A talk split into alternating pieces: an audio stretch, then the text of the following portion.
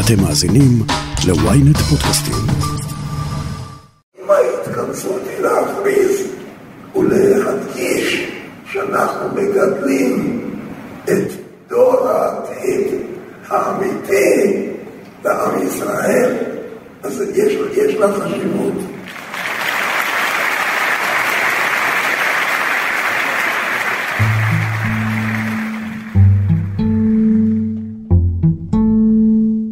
בשנים האחרונות הולך ונהיה קשה יותר ויותר להגדיר את כל חלקי הציונות הדתית כמגזר אחד. הציבור הזה, הדתיים-לאומיים, בני עקיבא, או איך שלא תקראו לו, מתפצל לשני זרמים מרכזיים שמתרחקים זה מזה. החרד"לים והליברלים, הדוסים והלייטים, סמוטריץ' ובנט. נשארו מעט מוסדות שמקובלים ממש על כולם. הרב חיים דרוקמן, שנפטר אתמול בגיל 90, היה אחד מהם. אחרון הרבנים שהחזיקו את הדבק של הציונות הדתית. והוא באמת היה מוסד. מבני גנץ וישראל כץ ועד אורית סטרוק ומתן כהנא, כולם התחנכו אצלו או שחררו לפתחו. אני ישי שנרב, וזאת הכותרת.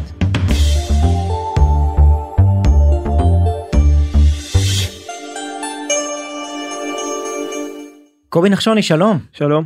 כשאנחנו מנסים להבין מי היה הרב דרוקמן, מה אפיין אותו, אנחנו הרבה פעמים נוטים ללכת למודל הזה של הרב החרדי, גדול הדור, הרב שפוליטיקאים הולכים אליו. הרב דרוקמן היה קצת שונה. היה מאוד שונה. תראה, הוא היה גם רב, גם איש חינוך, גם מלמד תורה, ראש ישיבה, מנהיג רוחני, אבל כמו שרמזת, היה גם פוליטיקאי, עסקן ציבור, איש, בשיר, איש אה, שירות המדינה. נדבר על זה עוד מעט, על מערך הגיור ודברים אחרים שהוא עשה. ואם אתה מחבר את הכל, הייתי אומר שהוא היה איזשהו רב מחנך של הפוליטיקאים. ואתה ראית את זה ממש עד ימיו האחרונים, שפוליטיקאים עולים אליו לרגל כמו נערי תיכון מול הראש ישיבה, משחרים לפתחו. זה יכול להיות מבנט ששבר שמאלה ועד סמוטריץ', כולם בסוף בסוף באים מצטופפים אצלו לקבל ממנו אישור למהלכים שלהם. עזוב את רשימת הבוגרים של המוסדות שלו שאתה יכול למצוא שם אנשים דתיים ולא דתיים בני גנץ יוסי כהן ראש המוסד לשעבר מפכ"לים, עיתונאים, אה, אישי ציבור באמת מכל, אה, מכל הקשת הפוליטית. כולם היו בניו. כולם היו בניו, כולם היו תלמידיו, וכולם לא משנה איפה הם היום, דתיים או לא, שמאל או ימין, בסוף בסוף אה, חזרו אליו. חזרו אליו, מתגאים בקשר שלהם, בעבר המשותף שלהם, ואנחנו נדבר עוד מעט גם על ה, כמה זה השפיע על הדמות שלו. איש של חיבורים, איש שמנהיגי המדינה ואולי יותר ממפקדי הצבא רואים בו גורם ממתן, אה, כתובת לפתרון סכסוכים אה, בסוגיות דת ומדינה, בין דתיים לחילונים, בין החברה הדתית, הציונית דתית, לבין המדינה, הצבא, עניינים של אה, סרבנות פקודה ושירות משותף. וחוקי גיור וחוקים בנושאי דת ומדינה בסוף בסוף הוא היה כתובת הוא ולא אחר אדם אחד שהיה כתובת גם לפוליטיקאים וגם לציבור שלו לכל הנושאים האלה. אז תסביר לי למה זה קורה כי אם אני שוב חוזר למודל של הרבנים החרדים שם יש השפעה פוליטית ואלקטורלית מאוד מאוד ברורה הרב מוציא הוראה כולם מצייתים. בציונות הדתית זה לא ככה במיוחד כלפי הרב דרוקמן כי הרבה מהאנשים האלה שם שהזכרת שמשחררים לפתחו ושחררו לפתחו לאורך השנים האחרונות הם לא היו תלמידיו במובן הרב תלמיד הרגיל שמבצעים כל אמירה שהוא אומר היה לו איזה מעמד איזה כבוד איזה אלדר של הציונות הדתית. כן מאוד סמכו על שיקול דעתו אז תראה ההבדל בין המודל החרדי למודל הציוני דתי זה שאם נקביל את הרב דרוקמן לגדולי הדור החרדים הרב שטיינמן הרב קניבסקי לא היו עסקנים פוליטיים לפני שהם נהיו רבנים. גם הרב נריה זיכרונו לברכה אבי דור הכיפות הסרוגות גם הוא היה פעם חבר כנסת. התפיסה אולי החרדית היא שאם אתה גדול בתורה ואם אתה גדול הדור יש לך מה לומר על כל תחום בחיים. אתה הולך לקנות דירה אתה שואל את הרב שלך. אתה הולך אה, להשקיע בעסקים אתה שואל. וגם בפוליטיקה אתה, אתה שואל. אצל הרב דרוקמן אני חושב זה יותר הניסיון שלו. גם כפוליטיקאי גם כעסקן גם כאיש שירות המדינה כמו שאמרנו הוא צמח משם. במקביל למסלול שלו כראש ישיבה כאיש תורה וכראש ישיבה אנחנו קצת מצמצמים אותו. זה לא רק הישיבה שלו אור עציון. הוא ממש חלש כמעט על כל המוסדות הדתיים החינוך הפורמלי והלא פורמלי, תנועות נוער, בני עקיבא. שבוע טוב. הביאו ברגע זה לידיעתי שיש שמודאגים ממכתב הרבנים לפעול נגד הקמתה של ממשלת השינוי. אה, כאילו מדובר באיזושהי הסתה. אז אני מבקש להרגיע את כולם. אין כאן שום הסתה, זה הסתה קיימת רק בדמיון של אלה שאומרים כך. אז שוב, הוא צמח ב, בעצם בשני מסלולים מקבילים, גם כאיש ציבור וכעסקן ציבור, מילה קצת גסה, אבל uh, אני לא חושב שהרב דרוקמן יתבייש בזה, הוא לא רק היה חבר כנסת וסגן שר, הוא היה עסקן, אדם שיודע להזיז עניינים במובן החיובי של המילה, וגם איש תורה ומחנך גדול, ואני חושב שההערכה שלו וזה שפוליטיקאים עלו אה, לרגל אליו ומאוד סמכו על שיקול דעתו, זה לא מהמקום של הרב קנייבסקי, שאם אתה גדול בתורה אתה גם מבין בפוליטיקה, אלא הוא באמת מבין בפוליטיקה. ואני רוצה להגיע מזה לסוג הרב שהוא היה, כי יש כל מיני רבנים, יש פוסקי הלכה ויש למדנים דגולים אה, בגמרא, ויש, שזה אני חושב מה שאפיין אולי את הרב דרוקמן, אה, מחנך, מי שמתעסק יותר באמונה, בהגות הציבורית. נכון מאוד, תראה, לא, לא הייתי בשיעור תורה שלו, לא יודע איזה למדן הוא, בטח יותר ממני וממך, אבל כמו שאתה אומר, לא בזה הוא בלט. הוא בלט, הייתי אומר, וזה גם נתן לו את המעמד הזה של זקן הציונות הדתית, אני לא יודע אם באמת בגיל הוא, הוא הזקן.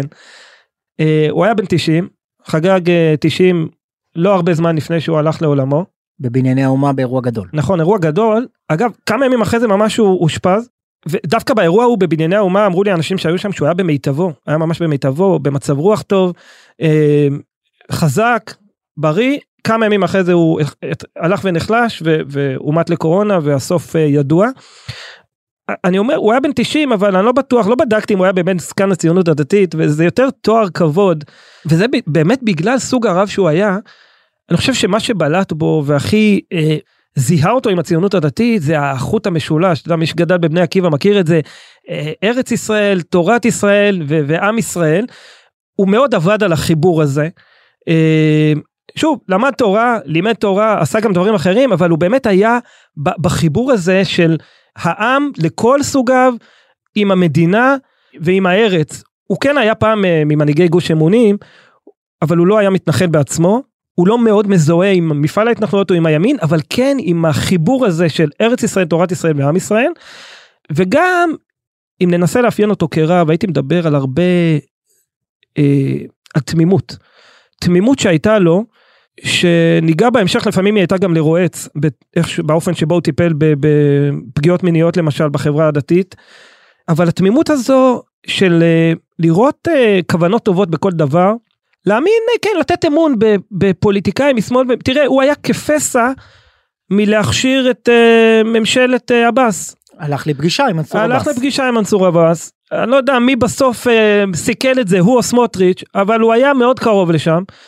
אני חושב שגם זה חלק מהתמימות של, אתה יודע, בא לפניו אדם, אומר לו, תשמע, אני שיניתי את דרכי, פעם תמכתי טרור, היום אני חושב שאנחנו צריכים להתעסק באוכלוסייה הערבית, והוא האמין לו. זה גם מה שאפשר לו לתת אמון בפוליטיקה, ב, ביריבים פוליטיים שנמצאים ממש בשני צידי המתרס, אמנם לא זהבה גלאון וסמוטריץ', אבל כן בנט וסמוטריץ', שאנחנו יודעים איפה הם היו לפני שנה. ושניהם, או מתן כהנא שמייצג משהו מאוד ליברלי, יכולים לעלות אליו לרגל ביחד, והוא יקבל את שניהם במאור פנים ובסבר פנים יפות, וידבר איתם באמת במקום שבו הם נמצאים. יש צורך להרים את דגל הציונות הדתית ברמה, ומן הראוי שתהיה רשימה גדולה של חברי הציונות הדתית בכנסת ובממשלה. בהצלחה רבה. עכשיו כולם ידעו שבסוף דרוקמן הוא הרב של סמוטריץ' ובאופן מוצהר ומופגן הוא גם התנגד לממשלת בנט והוא גם אה, אה, קרא במפורש אחר כך להצביע על הציונות הדתית. אבל זה לא מנע מבנט וכהנא לעלות אליו לרגל. וזה אני, אני חושב שאין עוד רב כזה שאתה יודע שהוא עם היריב שלך עם המתחרה שלך שהוא מתנגד לך ועדיין חשוב לך לשמוע מה הוא אומר ואולי לשכנע אותו במשהו. זו הסיבה גם שהרב דרוקמן הצליח בתקופה שבה הציונות הדתית באמת אה, מפוצלת לגמרי. בין שמרנים לליברלים, בין לייטים לדוסים, איך שנקרא לזה, איכשהו הוא הצליח לאחד את כולם. עכשיו זה לא שהוא הרב של הלייטים או של הליברלים, אבל דווקא בגלל זה, הוא לא הרב שלהם, ובכל זאת הוא לא מאוד מזוהה עם, אה, עם הצד השני, ועדיין כולם מעריכים אותו ומכבדים אותו ועולים לרגל.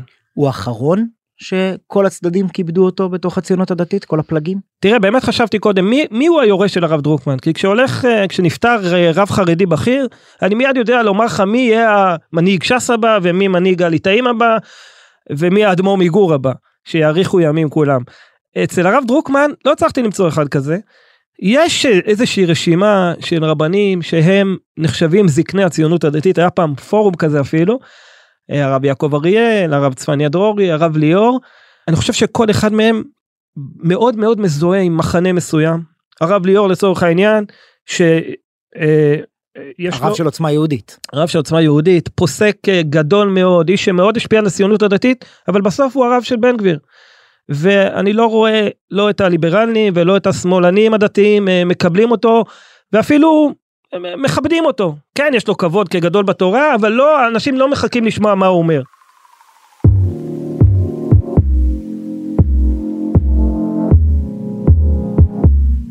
הודעה קצרה ומיד נמשיך עם הכותרת. ynet רדיו, הרדיו הדיגיטלי הראשון בישראל, מחכה לכם בכל מקום ובכל זמן שתבחרו, עם נבחרת המגישים שלנו ומיטב התוכניות. ynet רדיו, להאזנה באפליקציה ובאתר ynet.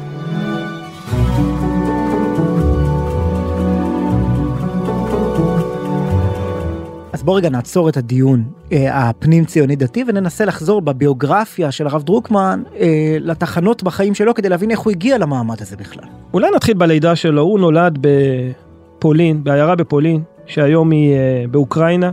כשהגרמנים פלשו בתחילת מלחמת העולם השנייה הוא הצליח איכשהו להסתתר עם משפחתו והבריחו אותו לארץ וככה הוא ניצל מהמלחמה המשפחה שלו גם אה, ניצלה והגיעה לאחר מכן. ילד בן 7-8. נכון בגילאים האלה ואחרי שהמשפחה מתאחדת אה, בארץ כאן הוא כבר אה, נכנס ממש מגיל צעיר למוסדות בני עקיבא לישיבת כפר הרועה הם הישיבות הציוניות דתיות ושם במקביל ללימודים שלו הוא גם מתחיל פעילות אה, חינוכית יוצא בשליחות, ה, בשליחות בני עקיבא ל, ל, לארצות הברית חוזר לכאן וכבר בזמן הזה אנחנו רואים אותו גם הולך לישיבה ולומד תורה במרכז הרב וגם מתחיל באיזושהי פעילות, פעילות עסקנית הפנים שלו לשירות, ה- לשרת את הציבור, לא רק ללמד תורה את הדתיים, אלא לשרת כמובן הייתה לו אידיאולוגיה ברורה, הוא היה ימני מאוד, דתי מאוד, אבל הוא בא לשירות הציבורי כדי לשרת את uh, עם ישראל, הוא משתלב במפד"ל כ, uh, כחבר כנסת, לאחר מכן כסגן שר, פורש, חוזר, כמו שקורה לכל הפוליטיקאים, במקביל מקים את ישיבת uh, אור עציון במרכז שפירא ליד קריית uh, מלאכי, וכמו שאמרנו, uh, מגיע לצמתים, ש- שאלות של uh, דתיות וישראליות, של דת ומדינה, ממקום uh, כאילו ניטרלי, זאת אומרת, הוא בא כמגשר, כמפשר, כפותר סכסוכים, לא כצד הדתי. אז תסביר איך זה קרה כי אמרת קודם שמות של שורה של רבנים שהם נגיד בני אותו דור ואפילו כולם היו יחד עם הרב דרוקמן ב ground zero של הציונות הדתית בתלמידי הרב צבי יהודה קוק במרכז הרב שמשם יצא בעצם כל שדרת ההנהגה של הציבור הזה לפחות בשנים קדימה אה, אה, עד הפיצולים האחרונים פחות או יותר. ו... אבל אבל כמו, כמו שאמרת והבחנת יפה הרב דרוקמן הוא נחשב מקובל על כל הצדדים והם לא אז- הם יותר חרד"לים בוא נגיד את האמת. אז תראה, הרב, קח למשל את הרב יעקב אריאל, גם הוא חתן פרס ישראל, הוא בסוף הלך לרבנות, הלך להיות הרב של רמת גן. כמעט היה הרב הראשי לישראל, אה, סיכלו לו את זה בדרך, הוא הלך אה, טוטאלית, לעולם, לעולם רבני טוטאלי, לשרת את הציבור מהרבנות. הרב אה, זלמן מלמד, הרב אה, צפניה דרורי, אני לא יודע כמה מאזיננו מכירים את השמות, אבל הם חלק מאותה חבורה. הלכו להיות ראשי ישיבה. הם ישבו בישיבה, לימדו תורה, הסתגרו, אחד בקריית שמונה, אחד בבית אל. הרב ליאור הלך להיות פוסק הלכה, זה עולמו, זה מה שמעניין אותו, הוא גם מדריך קצת אה, את, את בן גביר, אבל בסוף בסוף הוא פוסק הלכה, זה מה שיישאר ממנו. והרב דרוקמן הלך מלכתחילה לצמתים הללו. אה, תראה, ב-2003, אה, אחרי גל העלייה הגדול מברית המועצות, אה, אה, ראש הממשלה דאז שרון אמר משימה לאומית לגייר את הלא יהודים שהגיעו לישראל, היום אנחנו מדברים על זה בהקשר של שינוי חוק השבות. הוא, אמר, הוא הגדיר את זה ממש כמשימה לאומית, יש כאן מאות אלפי לא יהודים, אנחנו צריכים לגייר אותם, לתת להם גיור קל, הקים מערך גיור במשרד ראש הממשלה, והביא בולדוזר לנהל אותו, את מי הוא הביא? את הרב חיים דרוקמן. עכשיו, את הרב מלמד אולי השולף מהישיבה מבית אל, הרב דרוקמן מלכתחילה היה כל הזמן על התפר הזה, הוא גם ראש ישיבה והעמיד מאות ואולי אלפי תלמידים, אבל הוא גם עסקן ציבור, הוא כל הזמן אה, פועל בשני המגרשים האלה, באזורים האלה, בתפר ביניהם ובחיכוך ביניהם. בוא נלך לאחת הפרשות הכואבות יותר בביוגרפיה של הרב דרוקמן, וזה היחס שלו לעברייני מין, אה, במיוחד לרב מוטי אלון. נכון. ותראה, אני לא סתם חיברתי את זה לתמימות שלו. הרב דרוקמן בסוף שנות התשעים, הוא היה כבר אז אה, יושב ראש אה, ישיבות בני עקיבא, רשת חינוכית אה, דתית, ובאחד המוסדות המרכזיים והוותיקים שלו, ישיבת נתיב מאיר בירושלים, מתגלה שראש הישיבה אה, התעסק עם תלמידים, הטריד מינית אה, ותקף מינית. בסוף האיש הורשע, הרב זאב קופולוביץ' הורשע, ריצה עונש מאסר, והרב דרוקמן בזמן אמת טיפל בצורה מאוד לקויה בלשון המעטה בסיפור הזה. כלומר הוא הכיר את הסיפור התלונות הגיעו אליו הוא טיפל הטיפול שלו הסתכם בהרחקה שלו מהישיבה. הוא לא דיווח על זה למשטרה ומאז הוא ספג ביקורת לא רק ציבורית אלא גם היועץ המשפטי לממשלה דאז אליקים רובינשטיין שלא הבין איך דברים כאלה לא הובאו לידי רשויות החוק. הרב דרוקמן לקח אחריות ואמר לא, לא חשבתי שאני צריך לדווח חלק מהתמימות הזאת שוב אה, יכול להיות זה היו זמנים אחרים 20 שנה 30 שנה לפני המיטו אה, המודעות הייתה אחרת בטח בחברה הדתית ועדיין קשה להבין ולתפוס איך אירועים כאלה לא מדווחים אה, למשטרה ורק בדיעבד אחרי שכנראה עוד הרבה אנשים אחרים נפלו קורבן למעשים של הרב קופרובוביץ' רק אז מוצא הדין עם התוקף. ואותו סיפור חוזר כמעט 20 שנה, יותר אפילו מ-20 שנה לאחר מכן עם הרב אלון. גם הוא אחד הבוגרים של ישיבת אור עציון, תלמיד של הרב דרוקמן. וגם פורום תקנה שיוצא נגד אה, הרב כי הגיעו, הגיעו הרבה מאוד עדויות על אה, תקיפות מיניות. והרב דרוקמן, אני חושב שהוא היחיד מצמרת הציונות הדתית, בוא נקרא לזה כך, שנותן לו גיבוי. ולא רק אומר אני מאמין לו ואני נותן בו אמון, אלא אפילו מזמין אותו ככה באקט הפגנתי הייתי אומר לדבר לת... בישיבה לדבר בישיבה לתת שיעור קבוע כל שבוע אחרי שהרב אלון הורשע הרב אלון הורשע במעשים מגונים והוא ממשיך לתת שיעורי תורה בישיבת אור עציון הבעת אמון מלאה. תסביר לי את זה מה זה אומר תמימות הרי הבן אדם היה חבר כנסת אמרת יש לו הבנה פוליטית הוא לא איזה רב כזה שספון בבית המדרש. איך אפשר להבין את זה? שמע, אני, קשה לי פה לסנגר על הרב דרוקמן גם לאחר מותו בעניין הזה, אבל אני, אני בעיני רוחי רואה אה, שוב דיברנו על מנסור עבאס אני רואה את הרב אילון בא בהכנעה יושב עם הרב דרוקמן מסביר לו אולי נפלתי פה אולי נפלתי שם אבל זה לא מה שעושים ממני זה לא מה שאומרים. ומנסור עבאס אומר אני עשיתי תשובה והימין מסרב להאמין לו אבל הרב דרוקמן אחד מאמין לו עד שסמוטריץ' אה, עוצר אותו. והוא היה באמת איש שמקשיב לאנשים ונותן בהם אמון בדרך כלל התמימות הזאת הלכה למקום טוב עליה הוא קיבל את פרס ישראל. לדעתי על התמימות הזו, על היכולת להקשיב לכל אדם, לראות בו את הטוב, לא לייחס לו, לא, לא להסתכל בציניות. אמרנו שהוא היה פוליטיקאי אבל הוא לא היה ציני בכלל. זה מה שהביא לו את פרס ישראל, זה כנראה גם מה שהפיל אותו בטיפול בפגיעות מיניות. מגיע לי נשיקה מהרב. לא לי, לנו. הנשיקה הקודמת, מתי קיבלתי מהרב? היה פה השקה של הספר של הרב, בישיבה. הרב היה מלא אורות. והנשיקה הזאת מלווה אותי, הרב זה כבר שנה וחצי, אני חושב. טוב, אני רוצה שנדבר קצת על השנים הממש אחרונות של הרב דרוקמן.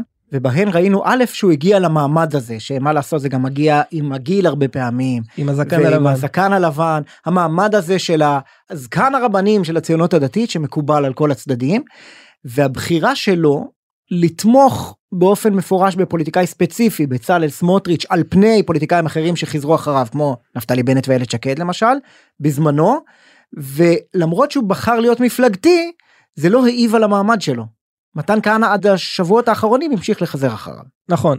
תראה, הרב דרוקמן בצעירותו היה מזוהה מאוד עם מפלגה פוליטית, עם המפד"ל, וגם כשהוא פרש ממנה זה היה, אה, כן, משבר זהות. זאת אומרת, אי אפשר לומר שבגלל המוטת כנפיים הרחבה הזו שלו, שהוא הסתדר עם כולם, וכולם עלו אליו לרגל, אי אפשר לומר שזה נבע מאיזה בלבול אצלו, הוא היה מאוד ברור, הקו שלו היה מאוד ברור. אמרנו מאוד דתי, מאוד ימני, מאוד חשובה לו הזהות היהודית של המדינה, גם אם הוא מאוד פתוח, מאוד פתוח לשמוע, מאוד פתוח להאמין, קצת תמים, מקבל, אבל בסוף בסוף הקו שלו עצמו היה מאוד מאוד ברור. ותראה, בשנתיים האחרונות, שבהן יש בעצם רק מפלגה ציונית דתית ימנית אחת, הייתי אומר, כי אחרי שבנט אה, שבר שמאלה, אז uh, כולם התכנסו בעצם סביב סמוטריץ', מי שאהב את זה ומי שלא אהב את זה, כן, קצת לליכוד, קצת לעוצמה יהודית, אבל סמוטריץ' הצליח באמת לבסס את מעמדו כמפד"ל של פעם. בנט וכהנא הולכים קצת לכיוון של מימד. וכשיש לך מימד מול מפד"ל, אז ברור לך איפה נמצא הרב דרוקמן. עדיין, עדיין, כמו שאמרת, מתן כהנא, באמת, כמו נער תיכון, כמו תלמיד אור עציון, יעלה אליו לרגל, וירצה לשמוע מה הוא אומר, וינסה לשכנע אותו שחוק הגיור הזה שאתה מתנגד אליו, תתנגד אליו קצת יותר חלש. וזה באמת הגדלות של הרב דרוקמן. זאת אומרת, אנשים שבוודאות הוא לא הולך איתם, בוודאות הוא מתנגד להם, בוודאות הוא הולך עם המתחרה הגדול שלהם. אני לא יודע אם זה רק הגיל והזקן הלבן, זה באמת משהו אישיותי אצל הרב דרוקמן. אני שומע אנשים שעלו אליו והלכו אליו, הרגישו שהוא איתם. הוא איתם, הוא שם עכשיו בצד את כל ההבדלים ואת כל הפערים, את שמאל ימין, והוא נתן אמון באנשים. ואני חושב שזה בסוף בסוף מה שנתן לו את המעמד העל הזה של אה, פותר הסכסוכים בין דת ומדינה, בין הצבא לחיילים הדתיים, ואפילו אפילו בין בנט לסמוטריץ'.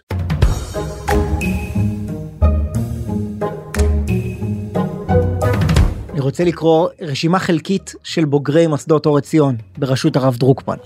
בני גנץ, ישראל כץ, דודי אמסלם, ראש המוסד לשעבר יוסי כהן, קלמן ליבסקינד, שולי רנד, שמעון שיפר פה מידיעות אחרונות, משה פייגלין, חלק מהאנשים האלה אה, בכלל לא מזוהים היום עם הציונות הדתית. אני חושב שרובם, טוב זה כבר נושא לפודקאסט אחר על תהליך החילון בציונות הדתית, אבל כן. אתה רואה אנשים כמו יוחנן דנין או מפכ"ל המשטרה, בני גנץ, יכול להיות שהם מתפללים כל בוקר ומניחים תפילין, הם לא אנשים דתיים, והם לא רק היו בניו אז ותלמידיו אז, אני חושב שגם היום, כמו שאמרנו קודם, הם גאים מאוד בקשר שלהם עם הרב חיים דרוקמן.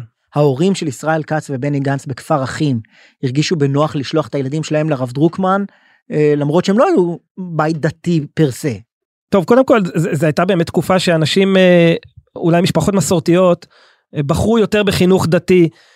פחות פחדו מהדתה ודברים אחרים שאנחנו שומעים היום והיו יותר שלמים לנהל אורח חיים לא ממש דתי, אה, חילוני עד מסורתי ועדיין לשלוח את הילדים לחינוך כזה.